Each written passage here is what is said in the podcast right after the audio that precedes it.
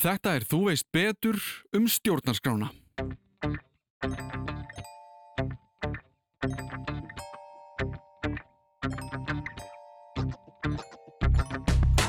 Það dugar ekki að lögfræðingum finnst hún frábær. Hún verður að vera þannig að svona, það sé sæmileg sáttum hana. Þannig að ef að á að breyta stjórnarskrá þá gerist það í kringum kostningar. Það verður að vera einhver ástæða fyrir því að við tökum hluti út úr því sem er hægt að breyta hratt og setjum í það sem breytist hægt og varlega.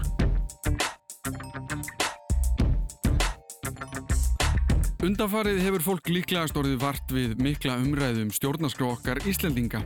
Það hefur verið hávar krafa frá ákveðnum hópi sem vil nýja stjórnarskrá sem var sett saman af stjórnlagaráði og hefur talsverður hiti komist í umræðunar oft á tíðum. Mér dætti í huga að kafa eins dýbra ofan í sögu okkar stjórnarskrár og fara yfir hvað er verið að tala um. Ég fekk til mín Ragnhildi Helgadóttur, professor í stjórnskipunarétti við Háskólan í Reykjavík til að fara yfir máli með mér og eins og alltaf byrju við á kynningu frá viðmælandarum sjálfum. Ég heiti Ragnhildur Helgadóttir og ég er professor í stjórnskipunarétti við Háskólan í Reykjavík. Svo er ég nú líka sviðsfórseti í hennu vinsarlega hlutverki millistjórnanda. Ég fór í stjórnskipunarétt vegna þess að ég kláraði lögfræði í Háskóla Íslands, fór síðan til bandaríkjana í meistarnám og ætlaði að vonandi skrifa doktorsýtkett í hafrétti. Svo fannst mér hafréttarprofessorinn svo orðslega skrítin að ég skipti um skoðun. Fór að leita mér einhverju sem ég geti hugsað mér að vinna með og endaði þá að ég skrifa stjórnskipunarétt og þar er ég först ennþá.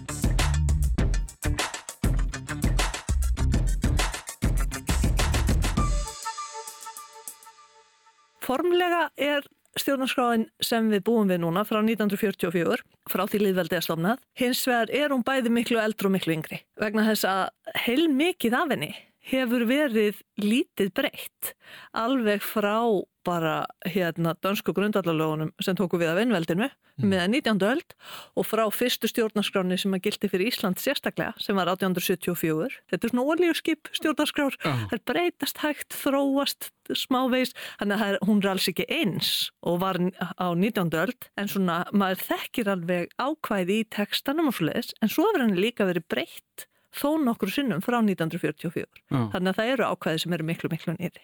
Sko þetta sem þú vísar í frá danska Já. þegar við vorum undir Danmörk, sko það var ekki nefn nefnt stjórnarskrá eða hvað, eða, eða var það bara svona eitthvað plagg sem að þið ætlið að fara eftir? Sko, eftir einveldið þá eru sem sagt sett grundvallar lög eða stjórnarskrá í Danmörku og það er eitt af því sem að skemmtir mér að Íslandingar þverneituðu alltaf að þetta ætti við þá. Vegna þess að þeir kom ekki að þinginu, við erum mótmælum allir og allt það Já. Og þarlegandi þá gildi þessi, þetta plagg alls ekki um þá. Þetta var aldrei almennilega útkljáð. Þetta var hins vegar frjálslindasta stjórnarskrá sem að tryggði best réttindi manna í allri Evrópa á þessum tíma og Íslandingar voru bara því getið átt þetta. Og var þá, ekki, var þá ekkert hér? Jú, það er náttúrulega ekki að gefa sér að danska krúnan og danskir ráðamenn hafi hægða sér eftir því Já. og svo 1874 þá er sett stjórnaskrá um hinn sérstaklega um málefni Íslands Já. sem er þá um það sem að gildi sérstaklega fyrir Ísland. Og sko að þegar ég hugsa um þess að þegar þú varst að segja stjórnarskráin þarna en 1874 þegar við fáum hana sér fyrir Ísland það er annað heldur en landslög eða slíkt er þetta samtengt? Sko, lög eru öll, það fyrir aðeins eftir í hvernig og skilgræni hvort að það eru bara lög sem alþingi setur í hvers skipti mm. eða hvort að það eru lög og reglugerðir sem eru þá sett í ráðunetum og svoleiðis. Mm. En þetta er oftast það sem er talað um sem landslög en stjórnarskráin er að því leiti svona meta að mhm. hún er um það hvernig þessi lögur eru sett, hver fari með hvaða vald. Hún er leikreglunar utanum allt hitt. Þannig að lög eru ekki lög, í allaveg ekki í verstrænum líðræðisríkjum, nema þau séu sett í samræmiðu stjórnarskrána, sett eins og það er sagt að eiga að setja lög og þau samrýmist enna efni til. Þannig stendur til dæmis sérstaklega í íslensku stjórnarskráni að dauða refsings í bánuð. Þannig að lög frá alþingi sem að heimiluðu hana þau verður bara ekki neitt neitt myndi ekki skipta máli. Já, að þau myndu brjóti báa við stjórnarskona. Nákvæmlega. Þannig að 1874 fá við þessa sér fyrir okkur. Um sérstaklega málefni Íslands. Af, af, eftir sem áður þá var náttúrulega konungur og mjög stór hluti því að það er ekki komin heimastjórn, það er ekki þingræði, það er alls konar hluti sem eru komnir síðan og þetta gildi bara um tiltekin mál. Já. En 1944, Já. þegar stjórnarskráin Líðveldisins Íslands. Líðveldis Íslands er sett saman Er það eins og, hvað, Abraham Lincoln í bandaríkjunum að segja, hérna, að ég, nú mann ég enga fræga línu, einhverjar, þú veist, þessir, hérna, þessir réttindi og frelsi. Stjórnarskráin þar, we the people. Já, we the people. Nei, sem var reyndar alls ekki stjórnarskráin. Heyrðu, nei, sko. Hver, hverjir, að ég gerir ráð fyrir að það verið kallar mestmengnis, settust niður og sögðu, ok, við erum búin stjórnarskrá og við ætlum að búa til leikreglunar fyrir þetta land. Frá 1918, mm. þegar Ísland var fullvalda, hafði allt nema konungsvaldið verið á Íslandi. Skilur, allt ríkisvald mm. nema konungsvaldið og reyndar hæsturéttur ekki fyrir hann að litið setna, var í íslenskum höndum. Þannig að þess vegna sett ný stjórnarskrá 1920 sem er stjórnarskrá konungsríkisins Íslands og hún gildi 20-44, samkvæmt henni þá er Danakonungur þjóðhöfðingin en á öðru leiti þá er þetta fullvalda ríki. Þannig að þenn, þessi 24 ár var þannig, það var hins vegar alveg ljóst mjög snemma að Íslandingar myndi stefna á sjálfstæði og alþingi samþýtti þingsáldun um það að það ætti að vinna stjórnarskrá en það ætti aðeins að breyta því sem að nöðsynlegt væri við líðveldstofnunna. Mm. Þá ætti bara að breyta því sem nöðsynlegt væri til að stofna líðveldi ástæðan fyrir þessu, þetta er alveg klókt, er að missi ekki allt í pólitíska deilur um kjördæmaskiptingu eða eitthvað þaðan af meira spennandi, heldur halda einingunni um sjálfstæði eða ekki sjálfstæði. Mm. Bara það er spurningin, við ætlum ekki að fyrta í smáa dröðunum núna. Það er það sem er ákveðið á þingir. Einmitt. Og þannig verður líðveldstjórnarskráin til mm. og Bjarni Benditsson held ég hafi verið manna mest í því. Og ég bara veltaði fyrir mér að því ég veit ekkert hvað er í stjórnarskráni ekki nema kannski döðarefsingar, við erum ekki í þeim. Já, þar í raun stoppar boltin hjá mér. Má ég segja sögu? Ok, þú mátt segja það sögu. Það voru 14 ár held ég sem að ég tók á móti fyrsta ásnemum í lögfræði og átt að kenna um stjórnskipunarrétt. Og ég byrjaði alltaf á að segja hvað á að vera í stjórnarskrám. Og þau náttúrulega horfa onni borðið og hugsa Jésús hvað hann er leðileg og hvað er og ég að fara að gera á eftir og eitthvað. Og það svaraðis aldrei nokkuð maður. Og svo sagði ég ok, semjum stjórnarskrá. Og það klikkaði í eitt skipti öll hinn samt í bekkurinn íslensku stjórnarskrána.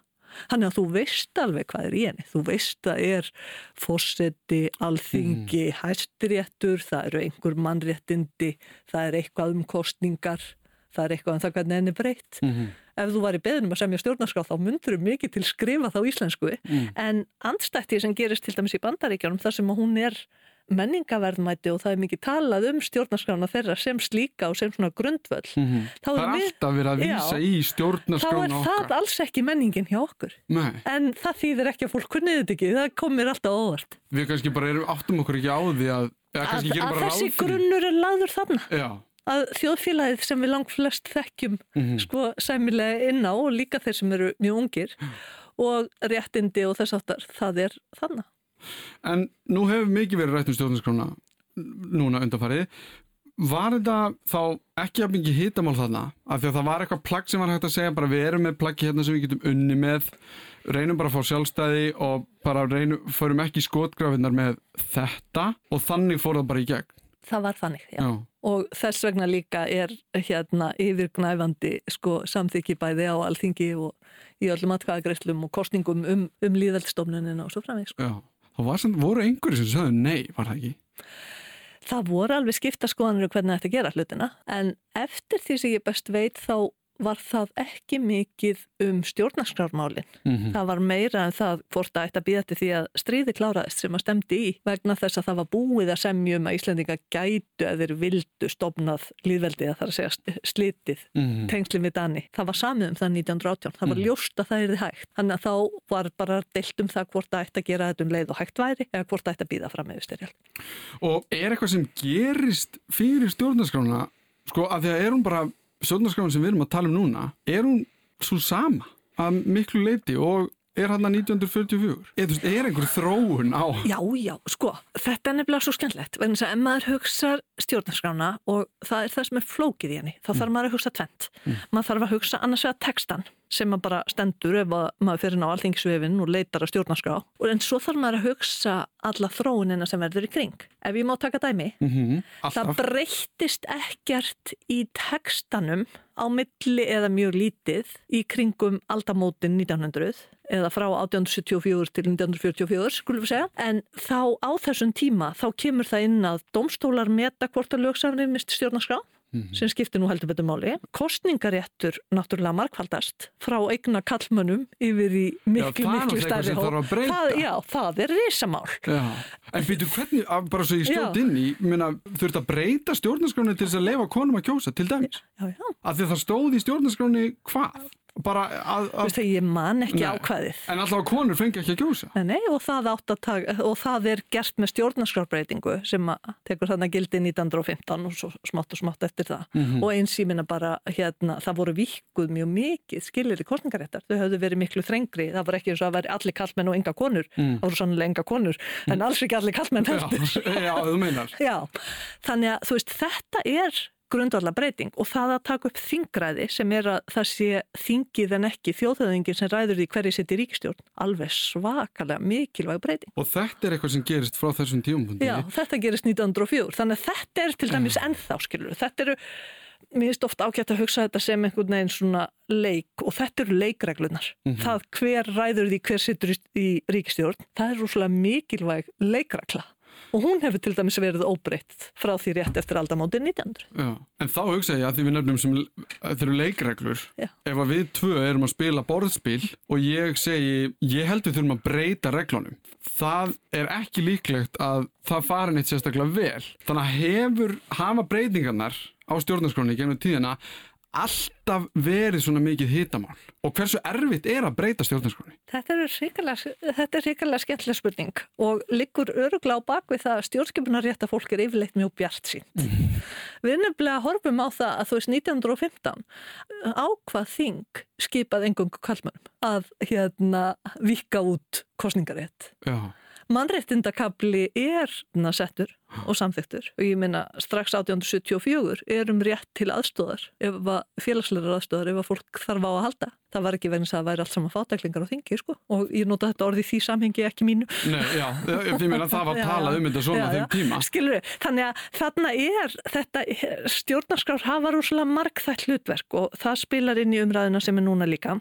Og eitt af þeim er að vera svona að sumleiti einhvers konar prógram fyrir það hvernig við ætlum að vera samfélag eins og við viljum vera. Eins og þegar afskaplega bláfátækt Ísland vildi nú samt vera með stuðning við þá sem að þyrtu. Þannig að þú veist, þannig að lang flesta stjórnarskrárbreytingar hafa verið í þá átt að auka aðkomu að líraðinu, að vika kostningarétt, setin mannréttindakabla og svo framvegs. Þannig að þetta er í raunum líka pólitíst, þú veist, ef þú ert á alþingi og þú ert fyrir einhvern flokk eða hvernig sem það er, að þá getur þú komið með þá einhverja breytingu að stjórnarskráni sem þú vilt ná í gegn sem er þá kosið um alþingi. Já, hér á landi er frekar auðvelt að breyta stjórnarskrá. Það er gert með því að alþingi samþykir breytinguna, bara eins og hvert annar lagafrumvarp. Síðan er þingrofið, það eru alþingiskostningar og nýja þingi sem kemur saman eftir kostningar þarf að samþykja breytinguna alveg eins, alveg óbreyta. Þess vegna erum við inn í stjórnarskrárumræðum núna vegna þess að það verða kostningar á árunu og þá er þing hvað sem er rofið og kosið þannig að ef að á að breyta stjórnarskrá þá gerist það í kringum kostningar. Já. Það er ekkert þess utan nema þá þingið eh, skilur sé rofið strax á eftir sem Já. að hefur aldrei eða allavega ekki, ekki senustu 50 árin gerst bara út af því. Þannig að þess vegna í raun og veru ef að eitthvað af þeim frumvörpum sem að líka fyrir núna færu í gegnum þingið núna þá breytir samt ekki stjórnarskráin nema þau séu samþygt aftur af nýju þingi eftir kostningar. Við fengum okkar fyrsta vísi að stjórnarskrá árið 1874 á þúsund ára afmæli Íslandsbyðar þar sem Kristján níundi þáverandi konungur Danmerkur kom færandi hendi með afmæliskjöf í pokahóðinu. Sérstakar stjórnarskrá sem hafði þá verið krafist í einhver tíma. Núverandi stjórnarskrá okkar er síðan 1944 byggðið á þeirri sem við fengum frá Kristjáni einhverjum 70 árum fyrr. Hún hefur eitthvað breyst en þó hægt. Það er fínt að hugsa um stjórnarskrána sem leikreglur fyrir landið, hvernig við viljum að samfélagið okkar sé og fyrir hvern. Þegar þá að breyta stjórnarskráni eða koma með nýja eins og talað um núna, þarf að kjósum það fyrir kostningar og svo aftur eftir kostningar. Það ákveði er til dæmis í stjórnarskráni sjálfri. En þarf að kjósum hann í heilt eða er hægt að kjósa um sérstök ákveði í henni og bæta þeim við. Það er hægt að kjósa bara um frumvarp í heilsinni mm. alveg eins og gert þegar öðrum lögum er breytt. Bara við leggjum til að þessu verði breytt, það verði breytt annari grein, þriðju grein, sjöndu grein og svo framvegis og svo bætist þessa greina nýjar við. Þannig að það er hægt að gera það svo leiðis en ég held að ef ég má bakka aðeins í sko teóriuna þá er að sumleiti ágætt að muna þetta sem ég var aðeins byrja að minnast á með sko mismunandi hlutverk stjórnarskrá. Þannig að það eru svona aspirational, það er teikna upp þjóðfélag sem að við viljum vera, vera. en það eru líka leikreglur. Mm. það er rosalega þurrlegt. Það er svona pingu hérna, hefðin sem við höfum komið í. Bara byrjum á Íslandi líðveldi með þingbundinu stjórn. Mm -hmm. punktur Ekki, þú veist, ekkert eitthvað við viljum neitt. Mm -hmm. skilur við, þannig að það eru leikreglunar það er, og það er þetta svona meira aspirational og það eru heilmörg það eru heilmargi fleiri þættir sem að stjórnarskrár geta verið í. Mm -hmm. það er, ég menna, tryggja réttindi. Stundum, það er í stjórnarskrám svona í samanbörðarvinkli stundum bara beinleginis eitthvað mjög skrítið vegna þess að það er eitthvað sem hefur einhvern tíma verið hitamál og ákveðið að útkljáða úr á, sko, í stjórnarskráni mm -hmm. hérna, Þegar það er komið þanga þá er það bara, er þetta er stjórnarskráni Uppáhaldsdæmi mitt var hérna fylgja stjórnarská í bandaríkjónum sem hefur nú verið fælt og gildir endar þar sem að var skilgrendu brennipunktu bensins sem mér fannst alltaf dásald mál því enginn myndi voga sér að breyta því sem er í stjórnarskrá. Þú veist, þetta er bara skrítið Já, þetta er mjög skrítið, það er alveg rétt. En, en þú veist heilmikið af umræðunum sem við sjáum núna Já. og heilmikið af umræðunum sem að þú lýsir alveg réttilega að er bæði hiti í og kynnslóðamennur í er að fólk horfir á mismunandi hluti. Þannig að það eru þeir sem segja stjórnarskráin er fyrst og fremst leikreglur og hefur þjónað okkur ákveðlega. Svo eru þeir sem segja að þessi stjórnarskrá bara talar ekkert við mig og það vantar allt í hana sem skiptir mig máli. Það vantar í hana náttúruvend, það vantar í hana mm. vendgegspillingu, það vantar í hana alls konar hluti sem að verulega skipta mig máli. Og þá er svona pínulíti verið að tala ekki kross en út frá sitt hverju sjónum. Það er mjög áhugavert. Að því hún er, hún er náttúrulega barð síns tíma að vissu leiti að því að við, þar, ég meina, ef við tökum bara síðan 44 þá er þetta eitthvað, þú veist, þetta eru 80 ár næstum því. Já, uh, nýju breytingar eða maður rétt, 8 eða 9 8 nýju breytingar á cirka 80 árum eða 76 eða um, ok, af því að ég er ekki jafn mikið inn í stjórnarskóni og fatt ekki alveg af hverju sumir brenna svona heitt fyrir því að, stjórn, fyrir að henni sé breytt eða við fáum nýja stjórnarskrá. Án þess að við tölum kannski um þetta á einhverjum pólitískum mm hérna grundvilli, hvað er það sem er svona mikið, veist, af hverju er ekki hægt að segja við viljum fá bara þessi á ákvæði inn í stjórnarskrána, ekki við þurfum nýja stjórnarskrá? Það eru náttúrulega frumvörp, það liggja frumvörp fyrir þinginu núna sem eru að taka inn hérna ákvæði í stjórnarskrána. Það sem er verið að leggja til að það sé breytt hlutum sem þarf að breyta, til dæmis tekið inn náttúruvendar ákvæði, tekið inn öðlenda ákvæði, breytt kaplanum með fórseta Íslands. Mm. Uh, þau eru fleiri, það eru mörg frumar sem líka fyrir núna sko, mm. líka um íslenska tungu og svona eitt og, en, eitt og annað. Þannig að það er umræðan sem þú ert að vísa til er kannski þessi með það sem fólk talar um sem nýju stjórnarskrána sem er plagg sem er hérna byggt á því sem að stjórnlaður áðgerði þegar var sko ferli 2009 til 13 mm -hmm. þar sem var fyrst þjóðfundur og síðan var kosið til stjórnlaður áðs það endað því að vera skipað af alþingi mm -hmm. og það er samin drauga stjórnarská. Síðan er unni með þau af sérfræðingahópi af alþingi það er hérna þjóðaratkvæða greiðslega um hvort þeir byggja á þeim þar sem að meiri hluti þeirra sem kursu segja já og það er það ferli sem fólk er oftast að vísa í og það plagg þegar það segir, þegar kemur þessi krafa um nýja stjórnarskrá. Mér finnst þetta áhugavert og að sumuleiti sko harðara heldur nefniru til og þetta er bara minn persónlegi lestur á því. Mér finnst þarna aftur verið að verða að tala frá mismunandi sjónhónd. Það sem að fólk, sem eru opurlega margir, sem að vilja þessi draugstjórnlaðaráðs eða þessi nýju, nýju stjórnarskrá, það sem að þeir segja er þarna var opið og líðræðislegt ferli, fólk sem er mestmægnis núlefandi mm -hmm. og það settist nýður og skilgrendi. Þetta er eitthvað sem er sko egnarhald á hjá þeim sem er núna en ekki hjá dönskum ennbættismönnum fyrir löngu eða íslenskum ennbættismönnum fyrir löngu eða stjórnskipunum sérfræðingum eða hvað sem er. Mm. Og það er alveg rétt. Það sem að margir aðrir og þeir sem að segja bara þetta eru bara drög frá nefnd sem að eitthvað, þú veist, mm. það sem að þeir eru að segja er það eru svo alvarlega gallar á leikreglunum í þess að það er ekki hægt að taka þetta í stæðin. Og þetta þetta finnst mér verið að tala í kross. Vegna þess að annars verið verið að segja þá að taka þetta plagg vegna þess að það var ákveði ferli á bakviða sem var gott og sem var uppbyggjandi og sem kynnslóðina þurfa að fara í fyrir sig og það er bara ekkit ofslega mikið að endur skoða stjórnarskráðu 70 ára fresti eða mm, 80 ára fresti. En hins verið verið að segja það getur vel verið en niðurstaðan var ekki nógu góð til að það sé hægt að, að sumuleiti, alls ekki mm. öllu, til þess að sé hægt að lifa mann. Og þetta er bara svolítið í kross vegna þess að einhver æpir um það að ákvæði um umbósmann alþingis eða alþingis sjálft sé ekki nógu góð og einhver annar segir já en það var hérna gild að vinna á bakvið þetta sem að mörg þústum að stóku þátti. Mm. Báður hafa rétt fyrir sér, að mínu viti. Já, ég meina það hljóma þannig. já, uh. en þess vegna er þessi hitti og þess vegna er þessi hitti að held ég að sko að það er annars vegar þeir sem segja bara það á að vinna þetta áfram innan hefðarina sem við höfum verið í sem er svo að breyta stjórnarskrá hægt og bítandi og svona innan þess ramma sem er og svo hinn sem segja býtu eigum við ekki að sko taka eignarhaldið á þessu einhvern veginn mm -hmm. Og með þessu. Þannig að þá ef maður kemur þessan að því eins og þú gerðir í upphafi þessar lungur ræðu mm. hérna eigum við ekki að taka þetta ákvæði inn þá er maður raun og verið búin að taka afstöði því eða ekki? Og þess vegna eru svo margir sem gera það ekki. Þetta er skemmtilegt já, og allir að reyna að gera vel. Já, já, ég held það sko, en, en er þá ekki, af því að við tölum um unga fólkið sem að kannski hafiði, ég meina þegar ég var tvítur þá var engin að pæli stjórnarskráni eða breyta henni, allavega ekki ég eða nefn í MH sem var eitthvað, herri við þurfum að gera þetta.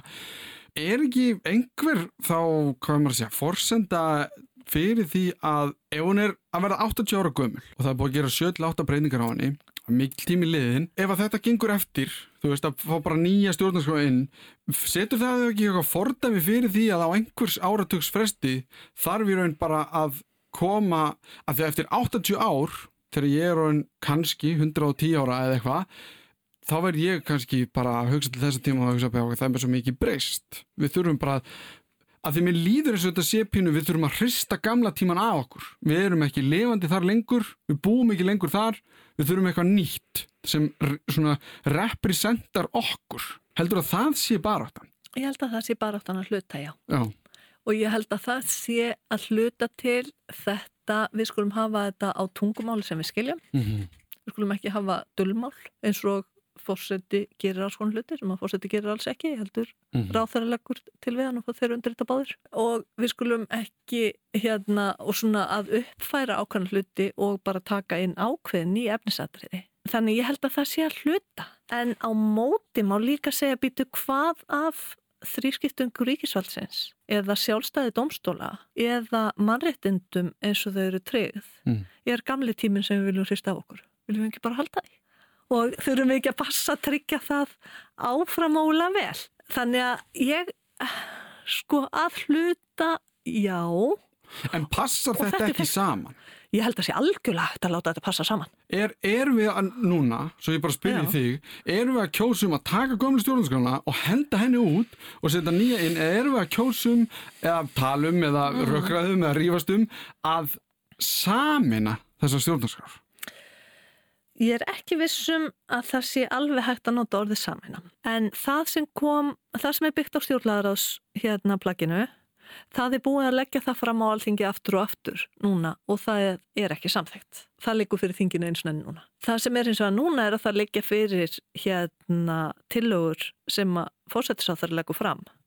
Það sem er byggt á þessu að hluta mm -hmm tekið líka úr öðrum svona raugraðukönnun við almenning og ímislegt en líka bara sérfræði vinnu og það er verið að taka ákveðna hluti og breyta þeim. Mm. Þannig að það er svona þessi bútasöms sko aðferð sem er verið að nota og satt að segja, þá er hún hefðbundin á Íslandi. Það hefur áður, ég er ekki að segja hún sé góð fyrir það, ég er að segja hún sé hefðbundin, að, að það hefur áður komið fram sko frumvarp að alveg nýri stjórnarskrá. Það var nefnd sem að Gunnar Tórótsen leiti snemma á nýjunda áratugum sem gerði það og það náði alls ekki fram að ganga. Það en, hefur verið reynd áður. Já, en á 20-30 árum ef maður getur verið svo rólegur, mm -hmm. þá var mjög mikið að þessu komið inn mm -hmm. mjög mikið af breytingun Já. þannig að það hefur svona, ég veit ekki eiginlega hvað mennlíking er best að lýsa því að stjórnarskráin og þá bæði þetta sem er skráð og líka bara hvernig rétturinn er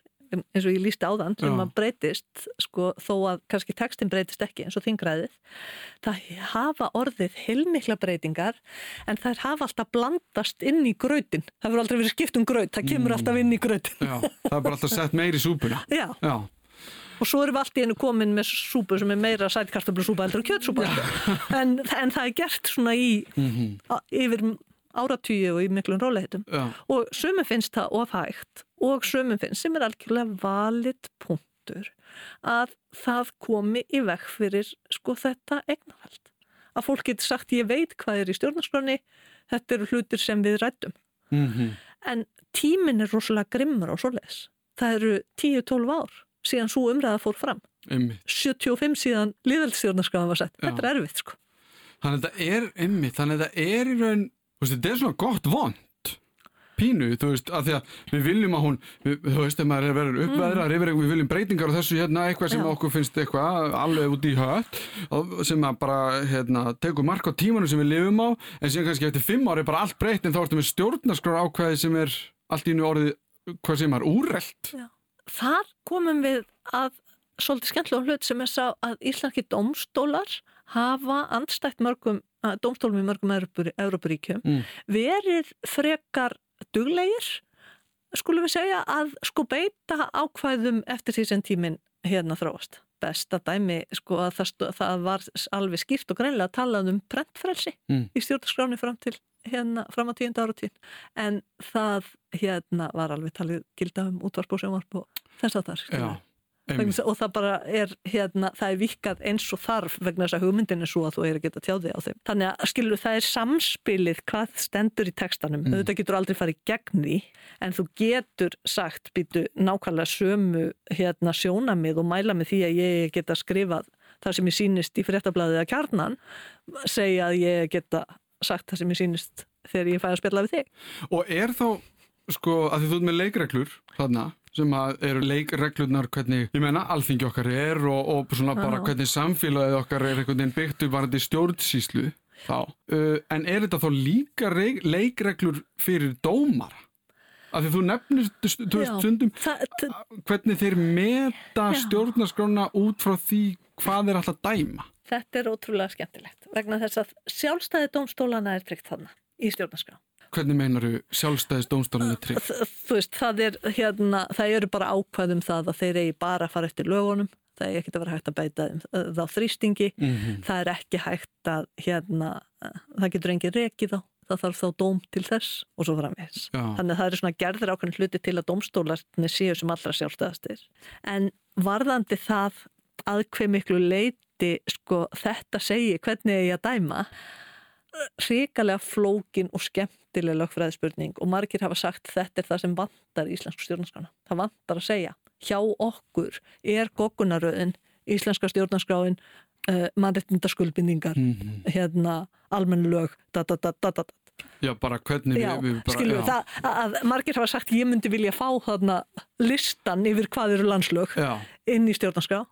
Aðrir hafa sagt og það, það er umræða sem er núna býtu á ekki að taka á því hvað við erum að gera við alla þessa þjóðrættasamningar sem við samþykjum og þá er ég ekki að tala um ES eða eitthvað þess að það heldur bara eins og mannrettindasáttmála Það er einmitt það sem ég dætti í hug. Býtu, við... Þarf ekki að segja þarf ekki einhvern veginn stjórnarskráin að teikna upp verandi leikreglur Já. að teikna upp skapalónið hvar aðra reglur passa inn í einmitt. og það er mjög flókið Það er flókið og það er líka bara sko þetta er hlutu sem er umdeldur í smáadriðum en mestmægnist til að skýr sko í lokfræði og spurningin er á að setja það niður mm -hmm. þarna. Já, að þetta er náttúrulega fyrir auðvitað stjórnarskrána þá ertu með laugin okkar Já. og það er líka, það er það sem við vísum í líka í Já. dómum miklu meira Miklu meira. stjórnarskráin Er það- er það ekki? Jú, jú, Já. ég minna ef að þú veist, ef að við erum í hérna máli út af húsalegu samningi þá Það erum við ekkert- bara þar Já, ég segi það. En af því þú nefndir þessi, ég menna bara Íslandi er bara á, tekur þátt í samningum og samskiptum bara út um allan heim, þurfum við ekki ef að við erum með stjórnarskrá og síðan er kannski bara, síðan bara EES eða bara eitthvað svona stórt batteri og það er með einhverja reglur. Og stjórnarskráin okkar samræmist ekki þeim reglum. Hvernig virkar það varandi bara samkúmala milli þjóða eða eitthvað, við erum með, já herru, nei, við leifum þetta, ég meina eins og í bandaríkunum það eru semstar leifiðar döðarefsingar en það er ekki í okkar stjórnarskrá. Ef við gerum eitthvað sam, samning eða eitthvað sáttmála eða hvernig sem er við bandaríkin má það stangast á við stjórnarskrána? Algengasta spurningin þarna er, eh, sem að þetta snertir, er hvort að það hafi einhvers konar vald verið gefið eftir mm -hmm. sem að stangist á við sko leikreglu hlutan af íslensku stjórnarskráni. Að það sé búið að afhenda einhvern veginn, einhvern hluta valdi sem eigi sangat íslensku stjórnarskráni að vera einhvern staðar annars til dæmis sjálfþingi Mhm. eða dómstólum eða svo leiðist. Þannig að það er í raun og veru algengasta spurningin. Þessi dramatískari dæmi eins og, nef, eins og nefnir, þau leysast á því að þau ríki sem að eru ennþá til dæmis með döðarefningar, þau annarkvort er ekki aðilara samningum með að gera fyrirvara við nákvæmlega það, þau atriði Mhm. og það í sjálf sér sko, er bara annað mál og bara milli ríkja Já, Þjóð, já. Það, kemur aldrei, það kemur aldrei undir íslenska ríki nema þá bara sem samningsæðila skilur bara sem einhvern sem þú semur við Mm. og bara samþykjum við sem eitt af 190 ríkjum sem er aðilega einhverju Mm. sáttmála að hérna, þetta sé svona en að því þú nefnir þetta sem leikreglur menna það eru flest lönd þá með stjórnarskrá. Já, ekki alveg öll en eða ekki alveg öll með skrifaða. Það er alltaf þetta skrifaða og svo eru venjurnar og svo framvegis. En já, það eru langflest land með stjórnarskrá og langflest eru með þessa svona sömu kabla mm -hmm. það eru leikreglunar, það eru kostningar, víða er ákvæði um til dæmis líðræði og fullveldi þess áttar sko og það má sem leiti setja kostningakaflan undir það. Já. Það er alltaf mannréttindi eða eiginlega alltaf, ekki alveg alltaf en oftast og síðan er svona stöku sinnum og oft eitthvað sem er mjög atvegsbundið.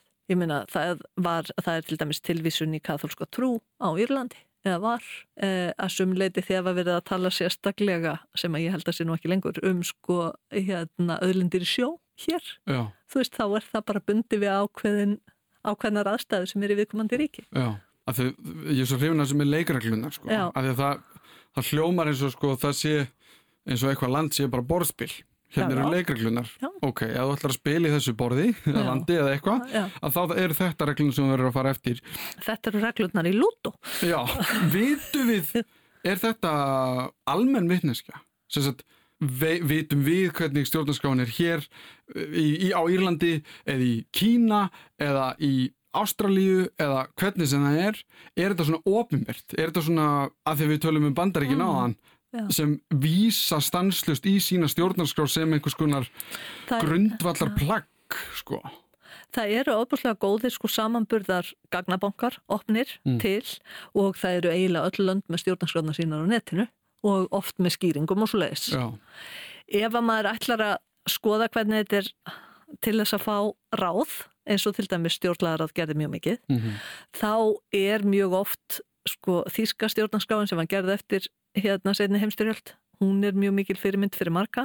út Eh, af hverju þá? bara vegna þess að það var svo ofsalega vandað og svo ofsalega mikil hug, hugsun sett í, þú veist að setja mannréttindin fremst sko, Mm að leggja meiri áherslu á réttindi heldur en valdið meðan við vissulega byrjum á Íslandi líðveldi með þingböndinu stjórn en svo fyrir við bara í valdhafana og svo koma réttindin ekki stað senna en þú veist, þar maður að lesa mikið úr því en skilur það er bara, og það er fleira skilur og þar hefur bara verið, þar hefur myndast praxis, sérst dómaframkvæmt á grundöldi stjórnarskrár, þau eru með sérstakar stjórnlega sem er hort bara alveg óbúslega mikið til um alla álfuna. En þá er hann, þá er hann, er hann er sérst, eða, Já. það er svona sér, sér dómstól. Já, sem að sér bara um þá brot á stjórn, stjórnarskráni Já, og svona túlkun á stjórnarskráni, sko, má mætti gera þetta og þetta og er í lægi að gagast stjórnarskrá að Þetta er að gerast í Hollandi núna, er ekki? Vistu það, ég mann það ekki. Ég, ég bara því ég heyrði Já. í fréttum þá hérna, þau settu á uh, útgöngubann Já, einmitt, jú, Og það var að ans- Já, það talið og það var ansvægt. talið brotið Já, á stjórnarskrá, landsins. Nákvæmlega. Þannig að er þetta að einhverju leiti, hvað maður að segja, réttur fólksins líka? Þess vegna eru mannréttindin þarna Já. og ég meina það er dæmt á þeim á Íslandi alveg hægri vinstri. Að bara það, hérna, það stangist á við stjórnarskráin og ég leita góða dæmi. Skilur, ég meina það hafa verið alls konar dæmi á Íslandi. Það fyrsta, það sem að lög voru talin fari í báða við stjórnarskrá var þegar öðrum en ríkinu var bannað að gefa út fortsögur, Íslandingarsögur og slaus. Skilur, og það var bara talið fari í báða við bann við reytskoðun. Og þá bara er ekkert hægt að byggja á þeim lögum. Alveg og voru- útgöngubannsmáli sem þú nefnir. En hjá okkur eru þetta almennu dómstólarnir já. en ekki svona alveg sérstaklega dómstóll eins og er í Þýskandi. En eins og í þessu dæmi, eins og með fórbækurnar, Já. er ekki rosalega skrítið að reyna að fara í að setja einhver lög eða eitthvað slíkt sem að það er greinilegt eða, eða hvað, er, er, er reynd á þetta, á, eða þessi ákvæði í stjórnarskráni oft, er, er einhver sem ætlar að reyna að setja lög og það er sem, nei, byrja, þetta stendur í stjórnarskráni, ég væri til að reyna á það út frá einhverjum lagalegri, út frá lagalegri tólkun. Það er orðið eitt af því sem er, ég meina, mjög flókið. Mm er bara að það reynir á hluti varðandi til dæmis hérna velferðaréttindi, öryrkjamálinn sem voru mikið rætt um aldamótin síðustu og það hefur reynt á, alls konar kvótamál og fleira og fleira sko. að þá er alltaf spurning hvað á að ganga langt í að láta reyna á og þetta er hlutu sem að til dæmis norðmenn ræða miklu opiskár heldur við. Þeir segja bara býtu þarna eru einhverju rammar og það gerir ekkert endilega ofslega mikið til þó að sé sko nýtt það svigrum sem er. Mhm. Það þarf ekki að setja aukaramma inni til að það reykist aldrei á. Ég er persónulega þeirra skoðunar að ríkið sé svo ofbúslega mikið sterkara heldur en hvert okkar á eitt að það eigi nú ekkit alveg að vera að dansa okkar ensunni sko. Ég held að það sé örugast fyrir mig að tjá mig sem minnst um hver hefur rétt fyrir sér eða hvaða leið er best að fara. Hugsanlega því ég veit það bara ekki almennilega. En það er greinilegt að fólki greinir á. Við höfum landslög sem sjáum ákveðna hluta stjórnsíslunar, ekki eiginlegan stjórnlega domstól eins og í Þýskalandi. En hvernig getum við spáð fyrir um framtíð stjórnarskrárunar og hvernig er best að kenna fólki meira um stjórnarskrárun okkar?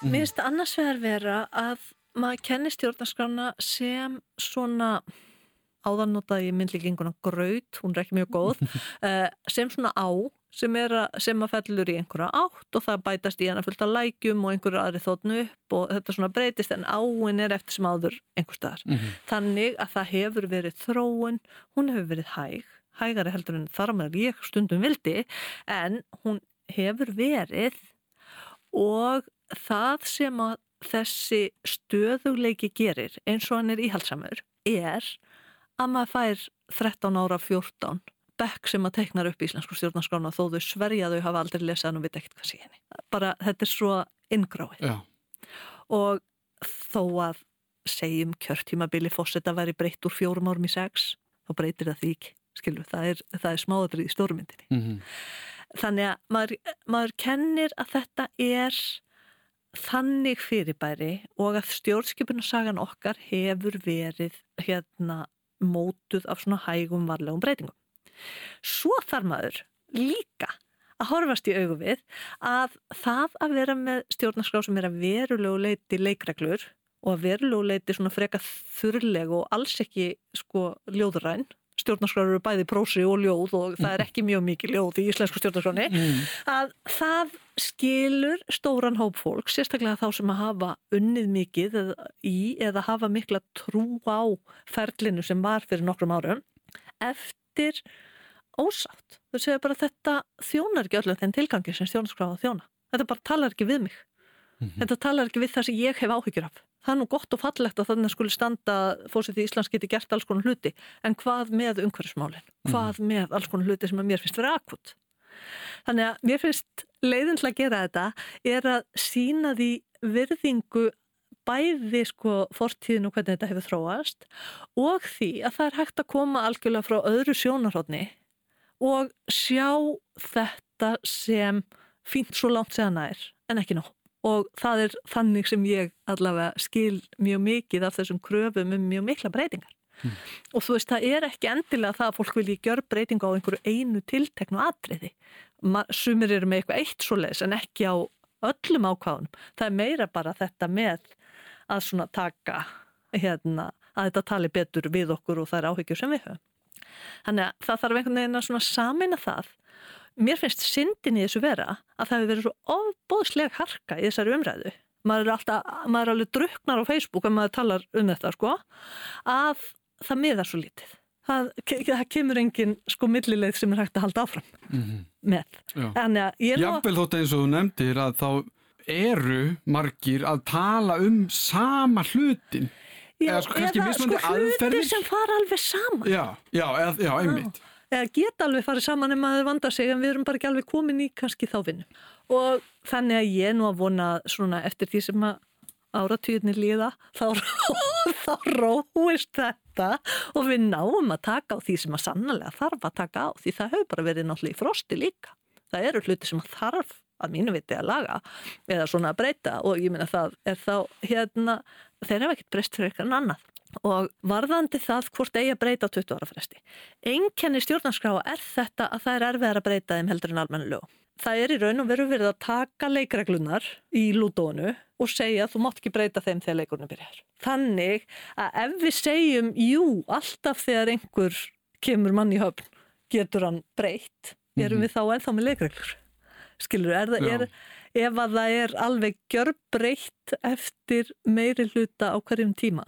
Ég minna ef við hefðum gjörbreytt um aldamótin, þá hefði það allt snúist um kvota. Það er sannarlega stórmál, en er það einamálið? Einmitt. Skilur, Já. þannig að það er Það- svona... það býður Já, upp á svona þá sterkir færist hópar. Þá færist stjórnarskráin næri því að vera almennlög. Það er ekkit endilega hvorki gott nýr slæmt, en þeim er breytt miklu örar, þau hérna svara miklu betur öllu þessu. Nútíma samfélagi einhvern veginn kannski. Þau endur spegla það miklu meira. Og spurningin er hvar viljum við hafa hana í þessu? En ég minna það er sannlega hlutverk stjórnarskrá að, endur spegla svona að minnstakosti það hvert samfélagi vil fara á svona einhver grunngildi. Skilur, Já, ég en hef það- algjörlega samúð með því Já. en samt. En er það ekki samt, já, þú veist, er hún ekki samt kannski landið sem við viljum vera, en hún er kannski ekki að landið sem við erum ákvörðat núna, eða hvað? Af því að, þú veist, af því að mér finnst þetta svo góð líking með sko að landslögin, lögin okkar, þau breytast örar, af því þau breytast með tíðarandanum, þú veist, þau breytast með, bara, heyrðu, þetta er ekki lægi, þar er að, talað um, kynhlut, um sko, hlutlösa kynskráningu og allt svoleiðis þar eru hluti sem við erum að hugsa sem við sem erum núlefandi núna erum Já. að hugsa núna er þá kannski of mikil krafa með að sumt þurfi að vera í stjórnarskrá? Þú veist, að, að er, er fólk, finnst þér, og ég veit ekkert um það, kannski ekki, er það ekki, en finnst þér eins og að sé einhver rugglingur á því að það sé verið að byggja um eitthvað sem gæti vel bara verið ný lög. Það þurfi ekki endilega að vera inn í stjórnarskráni okkar. mér finnst það ekki svo mikið Nei. það er ekki mjög mikil krafa um það sko, Íslandska stjórnarskráin er mjög stutt í alþjóðlunum samanburði Mm. og hún þú veist, mér finnst ekki vera mikil beðið um að það verði sett inn í hana hluti sem geta verið í almenn lögum uh, ég vil að mér sko að við hugsum áður en við alveg stökkum á vagnin að hún eigi að endurspegla samfélagið og áhyggjurnar okkar 2021 vegna þess að hún ná að minnstakosti líka að, að endurspegla það sko 2041 helst 61 og 81 líka.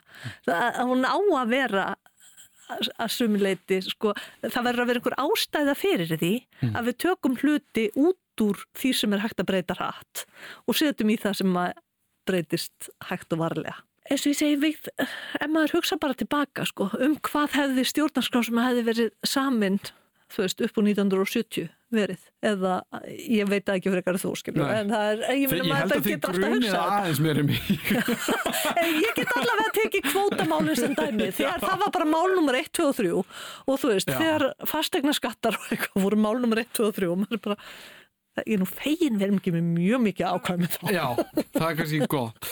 En kannski svona bara loka spurningi. Framtíð stjórnarskránunar, hvernig lítur þetta út fyrir þér? Ég held að við þurfum að færast nær því að hún sé fleira fyrir fleiri heldur en að vera bara hérna svona alveg þurrasta útgáfa leikreglum. Ég held þess að við hefum að gera það frekarvarlega og vera minnug þess að við erum til dæmis með flottan mannrettindakafla sem er mikið notaður og bara svona sólit og að þessi, sko, þessi festa hefur líka eitthvað að segja. Að því sögðu þá hefum við að munna að það eru 360.000 manns í þessu landi sem allir hafa sko jæmt atkvað eða þú veist hafa jafn mikinn rétt á að hafa rödd. Þar á meðal um þetta. Og eins og ég segja það dögar ekki að lögfræðingum finnst hún frábær. Hún verður að vera þannig að svona, það sé sæmileg sáttumanna og það kemur og það held ég sé að mörguleiti þó að fólk greini á um hvað eigi að fara hratt í að breyta Stjórnarskráin okkar er hitamál eins og ég sagði í byrjun. Ofti verðist fólk vera að tala á svipum nótum en greinir kannski helst á hvernig framkvæmdinn á breytingum eigi að vera og hversu hratt eigi að fara í þær. Augljóslega eru þar inni mál sem eru hápolítísk sem einfaldar ekki málinn og því getur umræðan oft orðið ómarkvissað einhverju leiti. En það kemur á endanum, eða við vonum það að minnstakosti. Ég þakka Ragnhildi Helgadóttur kærlega fyrir að koma til okkar og útskýra málið aðeins betur fyrir okkur. Ef þið viljið kynni ykkur málið ennfrekar er hægt að lesa stjórnarskrána í heilsinni á VF Alþingis og einnig tilugur að nýri stjórnarskráin á nýstjórnarskrá.is. Það er alltaf betra að vita meira en minna um málið svo ég mæli með því að kynna sér um hvað þetta snýst allt saman. Þar sem að snertir okkur öll sem búum í þessu landi, sama í hvaða áttið hallið. Ég þakkum leið fyrir mig, ef það eru einhverja spurningar er hægt að senda post á allimarat.ruf.is og ég reynir mitt besta að svara þeim. En það er komið að lokum í byli, þetta var Þú veist betur um stjórnarskrána.